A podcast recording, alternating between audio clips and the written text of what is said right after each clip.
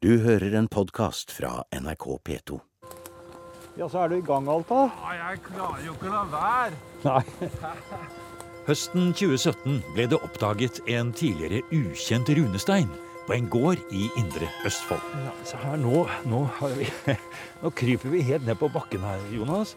Nei, altså Det å krype ned på alle fire, sånn som vi gjør her nå, det må vi. Eh, I de tilfellene der innskriften rett og slett ligger krøkkete til. Det er runolog Jonas Nordby som i dette programmet skal lese og tolke noen av runetegnene på Øverbysteinen. Um, her er det to Der, ja. runetegn. Du. Eh, er eller tre, ettersom hvordan man ser disse stavene, som vi kaller dem i runer. Altså vertikale linjene. Men før vi kommer så langt, takker vi ja til kaffe og kaker på kjøkkenet til Randi og Olaf Skie på Øverby gård. Peisestua. Å, så koselig. Tar det på kjøkkenet. Det er veldig, det ser du fyr på peisen på kjøkkenet, så da er det jo Ja. ingenting å klage på. De har hatt en verdenssensasjon liggende på tunet i all tid. Er det bilder, Olav, av eh, steinen? Det er en sten eh, der. Der, ja. Det var foran den gamle stua. Rett og slett brukt i, som i trappa? Ja, Ja, trappesten, ja. Ja, trappesten. ja. Nederste. Nederste ja. ja. Det var jo fantastisk at dere tok vare på steinen. da, At den ikke havnet i en eller annen fylling et eller annet sted. Det er bare tilfeldigheter. Ja. Hvis Men- du ser bortpå her, så ligger den stenen ute i gården her.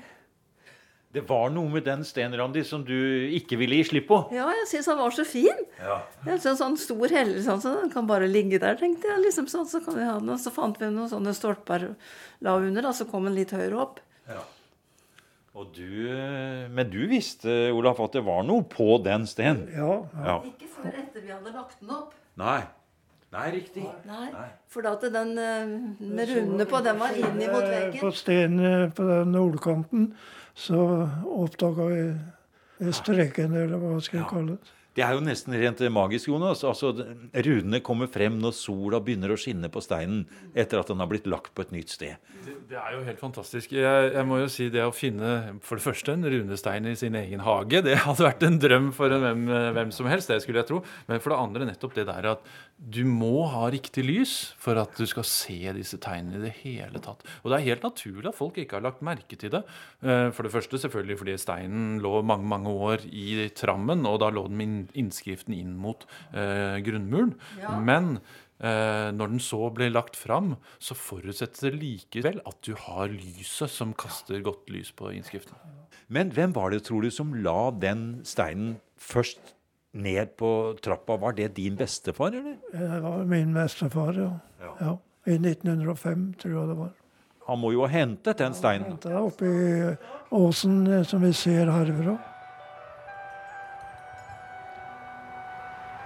Nå ligger Øverbysteinen fint plassert ute på tunet, som ligger på et lite høydedrag omtrent 130 meter over havet, noen få kilometer fra Rakkestad. Vi kan jo si omtrent midt i Østfold.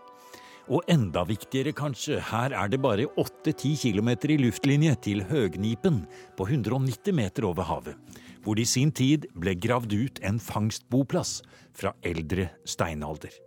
Og gjennom eiendommen til Olaf Randi Skie går Øverbybekken ute på jordene. Den leder ned til Ertevann, en av de mange innsjøene i denne delen av Østfold. Og hvis vi får tid mot eh, slutten av programmet, skal vi kanskje kikke på en stokkebåt og mye annet rart som Olaf har på loftet ute i garasjen. Ting fra fortiden som i årenes løp har kommet opp av jorda etter hesten og plogen akkurat her på Øverby. Det er like i nærheten er det gravhauger. Oi, altså. Ja, det er akkurat i kanten på skauen der, der er det gravhauger. Mm. Stenene er flytta. For de lå i veien for gårdsbruket. Der fikk vi vel forklaringen, Jonas. Ja, muligens. Eh, Jeg kjenner jo ikke området godt nok til å kunne plassere verken steinen eller gravhaugene. Men eh, de fleste runesteinene fra denne perioden her er monumenter over noen som er død, rett og slett. Så det- dette er eh, ikke nødvendigvis et gravmonument, men en minnestein. Et monument etter noen som er død, som har reist enten i nærheten av et gravfelt hvor personen er gravlagt, eller et annet sentralt sted hvor mennesker har kunnet se den. Og Da har det vært en, eh, en reist bautastein. Det ser vi også på eh, innskriften, som er plassert eh, slik at det har vært plass til å sette en del av steinen ned i jorden. Nå setter vi oss ned på huk her foran steinen.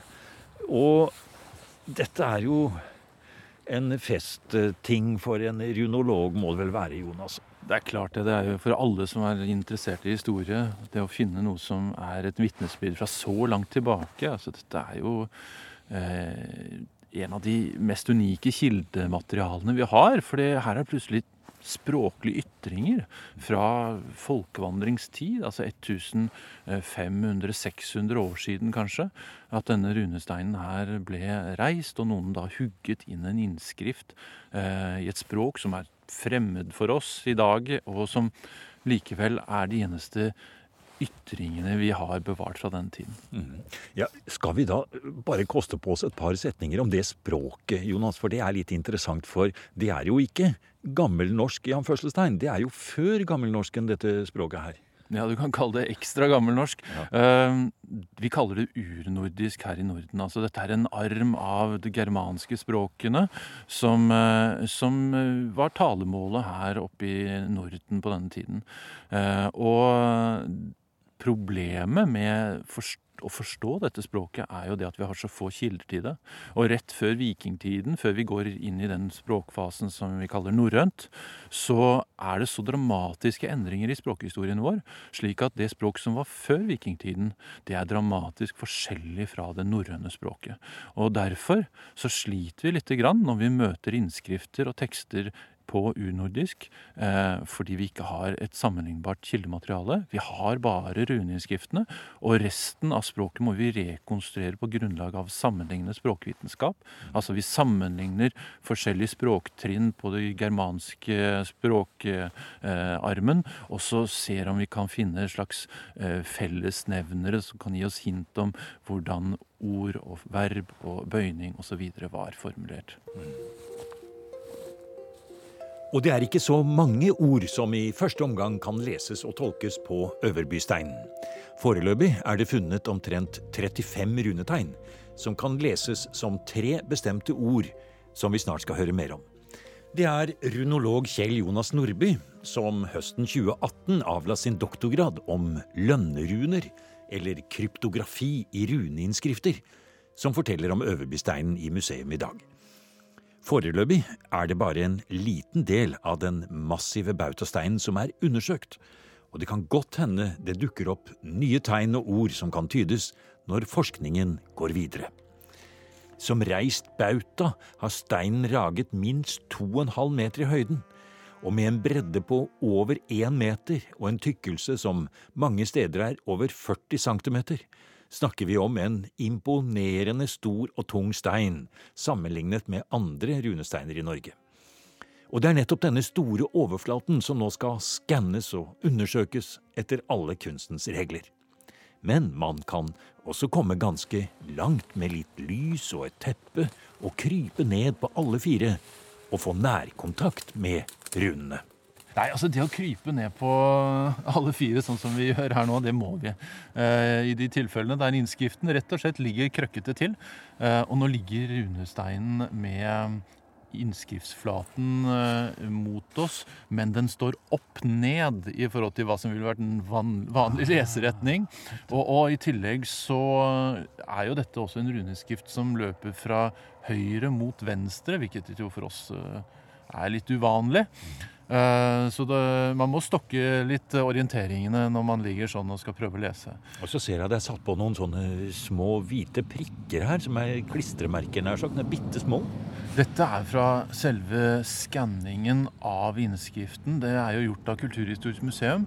De har både eh, avfotografert den med fotogrammetri, som, eh, som, i bunn og grunn er det samme som vi gjør den uten noe teknisk utstyr. Rett og slett å eh, kaste lys på eh, ristningssporene fra forskjellige vinkler for å se hvordan skyggevirkningene eh, gjør det lettere å lese. For det og, kan være kanskje tegn innpå her som dere ikke har sett ennå? Å ja. Det, altså, ikke bare at vi ikke har sett det, men vi ser at vi har problemer med å lese alle detaljene i tegnene. Ja. Eh, Så det med fotogrammetri er et, god, et godt hjelpemiddel.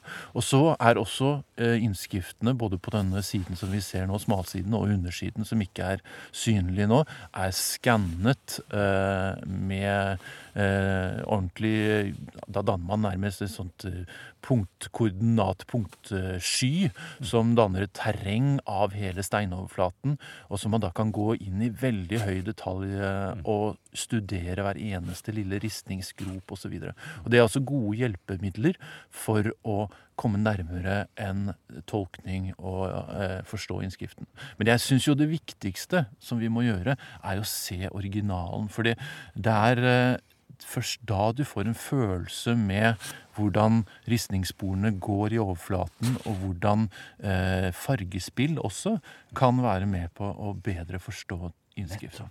Akkurat. Og jeg må jo si at jo mer du forteller om det, nå er vi bare noen centimeter fra innskriften her, og lyset lyser så fint opp der, eh, jo mer du forteller om det, jo, jo mer spennende blir de strekene som står der. Jeg, jeg har ennå ikke greit å se et, en, et rutetegn som jeg kan identifisere, men jeg ser jo tydelige, loddrette streker bortover hele veien der. Men ta oss gjennom noen av tegnene her nå, Jonas. Ja, nå har jeg belyst det, det området av innskriften som er det største problemet, nemlig begynnelsen av innskriften på denne smalsiden.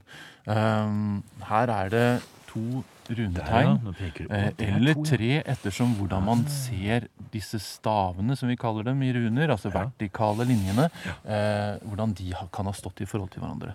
Etter de Det ser veldig regelmessig ut. ja, men det er veldig regelmessig, fordi eh, runer består jo fortrinnsvis av vertikale staver, og så har man satt kvister, som vi kaller det, skrå og diagonaler, eller andre eh, bistaver, som vi kaller det, eh, på de vertikalene. Og i de første tre tegnene her, så er det altså et problem det at eh, vi klarer ikke å se eh, hvordan kvister eller bistaver er knyttet sammen. Men så, når vi kommer da et par staver bortover her, så begynner vi på en veldig gjenkjennelig form, nemlig R-formen. Og R-runen, den er jo den eh, tilnærmet samme som vår store bokstav R i dag. Eh, og denne her er en relativt åpen form, så vi ser ikke at den går inn til eh, hovedstaven, men, men det er en gjenkjennelig runeform. Eh, og så må vi anta at her er det en stav etter det som er en I. Ja. og så følger en L og en ganske sikker, tydelig A-rune. Og så en Y-rune, omtaler vi det ofte det, som. å, det, det var den første jeg kunne se når du tok fingrene dine inn i den som en tydelig delt der, ja. Ja. Ja, nettopp. Og det vi er helt sikre på at vi har her, er altså. Erilage eh, finner vi på åtte, kanskje ni innskrifter fra eh, eldre periode. Eh, og det må være en tittel. Mange har diskutert hva den tittelen innebærer. Eh, tidligere så mente man det kanskje dette her var en runemagiker eller en runemester som hadde tittelen Erilar, eh, rett og slett fordi ordet opptrer på såpass mange innskrifter. I, I snakk om eldre runer så er åtte-ni innskrifter veldig mange. Eh, mer sannsynlig er det en tittel som ikke nødvendigvis har noe med runeristning å gjøre i det hele tatt, men er mer knyttet opp til det engelske ordet earl, eller jarl på norsk. Altså en person som har en eller annen plass i et sånt gammelt føydalsystem, hvor man da står i relasjon til en høvding eller en annen øvrighet. Og det passer jo veldig godt med at en sånn person skulle få et monument reist over seg. Det er jo ikke hvem som helst som fikk runemonumenter reist eh, etter seg, må vi tro. Eh, og vi skal jo ikke så veldig langt unna her før vi finner eh, opphavlige plassen for eh, tunesteinen. Og der har vi jo faktisk en høvding nevnt i innskriften. Og den er jo en av de virkelig flotte monumentene fra kanskje nettopp samme tidsperiode som denne runesteinen på Øverby.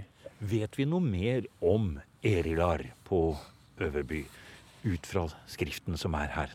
Ja, Det som følger etter Erilar, er eh, Raskar. Raskar, da må vi flytte lyset litt, antagelig. Ja, Det må vi gjøre da. Ja. Og Erilar. Og der kommer det fram stadig flere Ja, det er helt utrolig hvordan det lyset hjelper til å få frem skyggevirkningen i steinen. nå. Vi er helt avhengig av det. Og eh, som Olav eh, på gården her forteller, så er det jo når sola står helt perfekt til og kaster skrålys inn på f- innskriftsflaten, at de virkelig ser at dette er en runeinnskrift. Nå har vi ikke sola oppe i dag, Nei. så da er det Vi har jo lampene med oss en, kunstig historie. Ja. Så det må vi da. ja. Men Erilar. ja, erilar avsluttes her med denne yrjunen, som er Ja. en spesiell rune for den endekonsonanten. Ofte opptrer den i, i hannkjønnsord. Um, og det er en lyd som vi ikke lenger har i moderne norsk, som, som, uh, som da hadde en egen rune i uh, den eldste runealfabetet. Men uh, så fortsetter det med R igjen, en åpen R, og så en A-rune. Eh, S-en den slynger seg oppover som en sikksakk-linje Ja, er- her. Nå tar du altså fingeren din og følger den, og det er jo helt tydelig å se når du viser det. Ja. Eh, og så K-en, den Ja. eh, svever som en liten vinkel Ja. eh, i innskriftslinjen. Ja. Eh, og det, det er en klassisk K-rune, hvilket indikerer at vi er blant de eldste runeinnskriftene. Ha. Eh, Så den lille vinkelen som svever, som du sier, på steinen der, den kan også gi datering.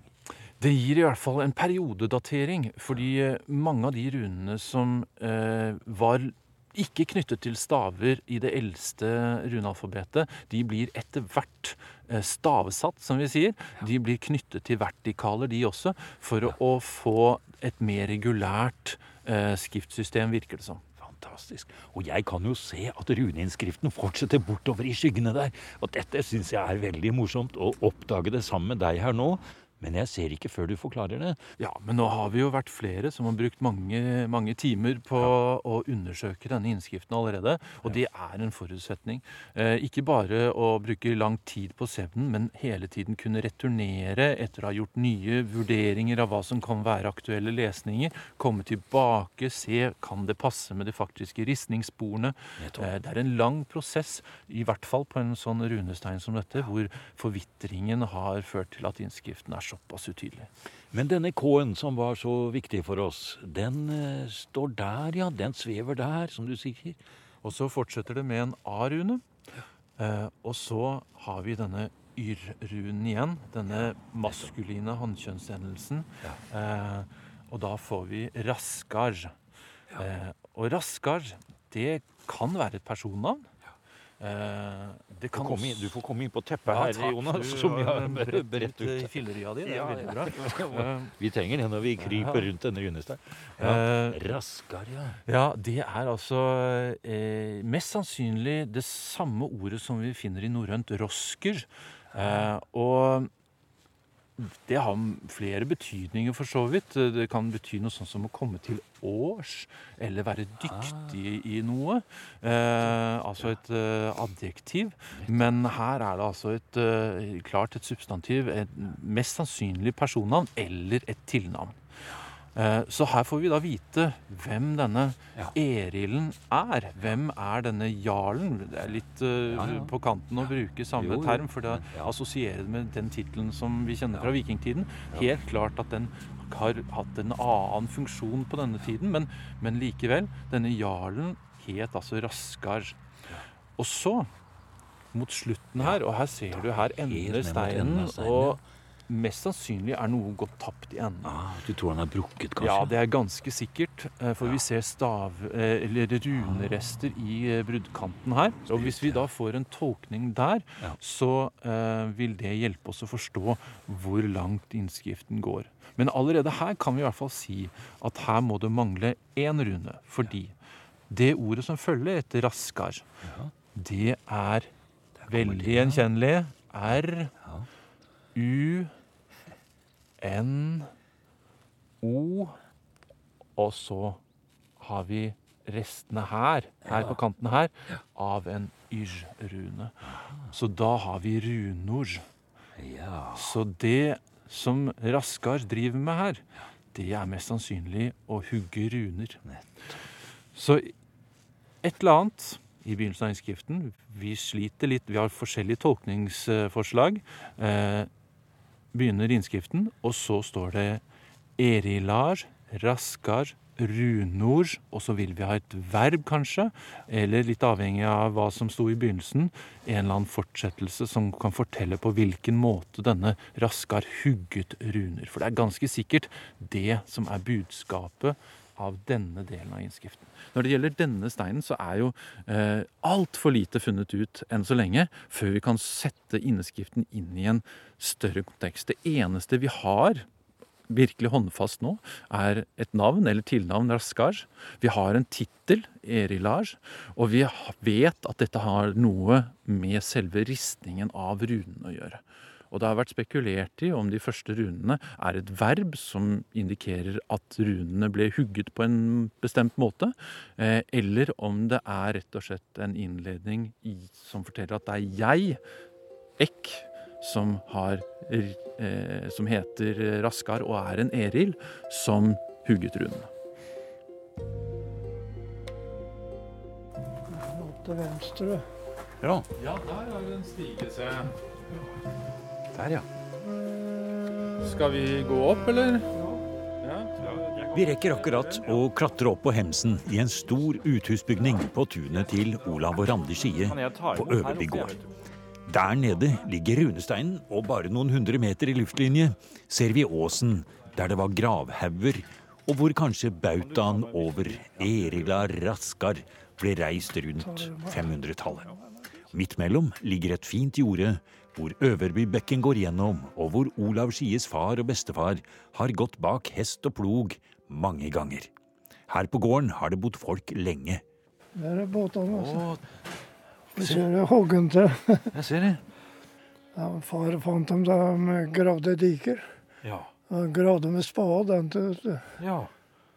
Det ser jo ut til å være rester av stokkebåter, nemlig. Det er stokkebåter. ja. Ja. ja.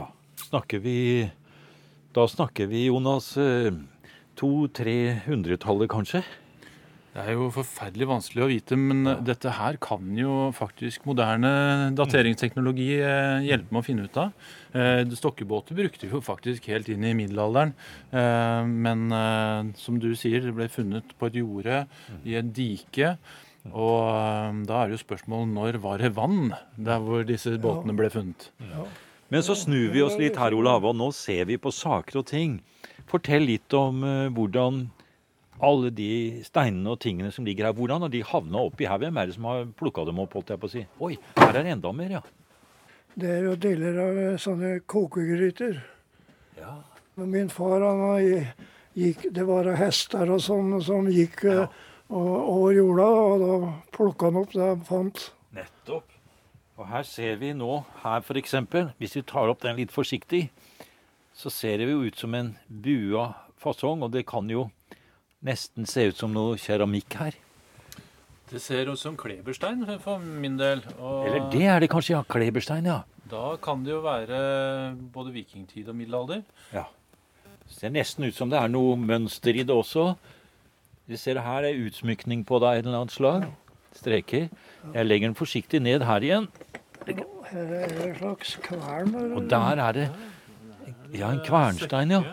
Og søkker, ja. sånn. Dægen, du. bakstehelle. Men eh, Sannelig en bakstehelle. Ja, se der, du. Er det biter av en bakstehelle, ja. Ha.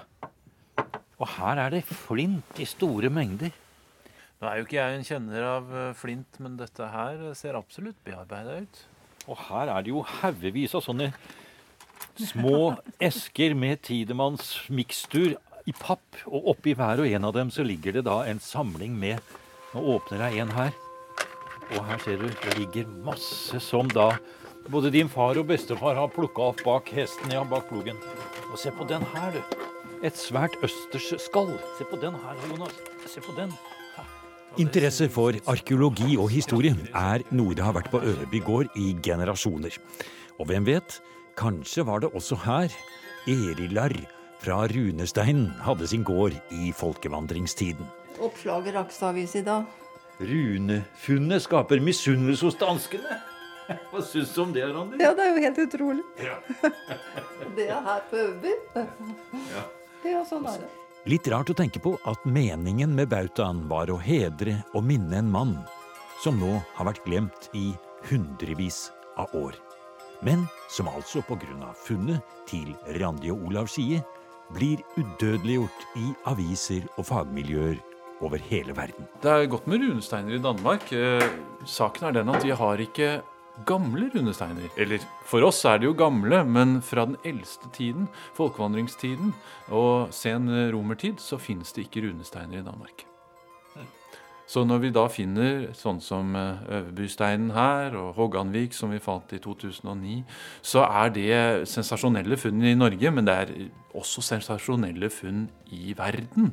Fordi det er så ytterst få av disse eldste runesteinene. Randi, det er bra. Ja, bra. Ja. Har du tid til kaffe, eller? Ja takk. Da tar vi gjerne en si ja takk til det. Vi sette deg inne? Takk, takk. Du har nå hørt en podkast av programmet Museum fra NRK P2. Og send gjerne en e-post til museum.krøllalfa.nrk.no. nrk.no.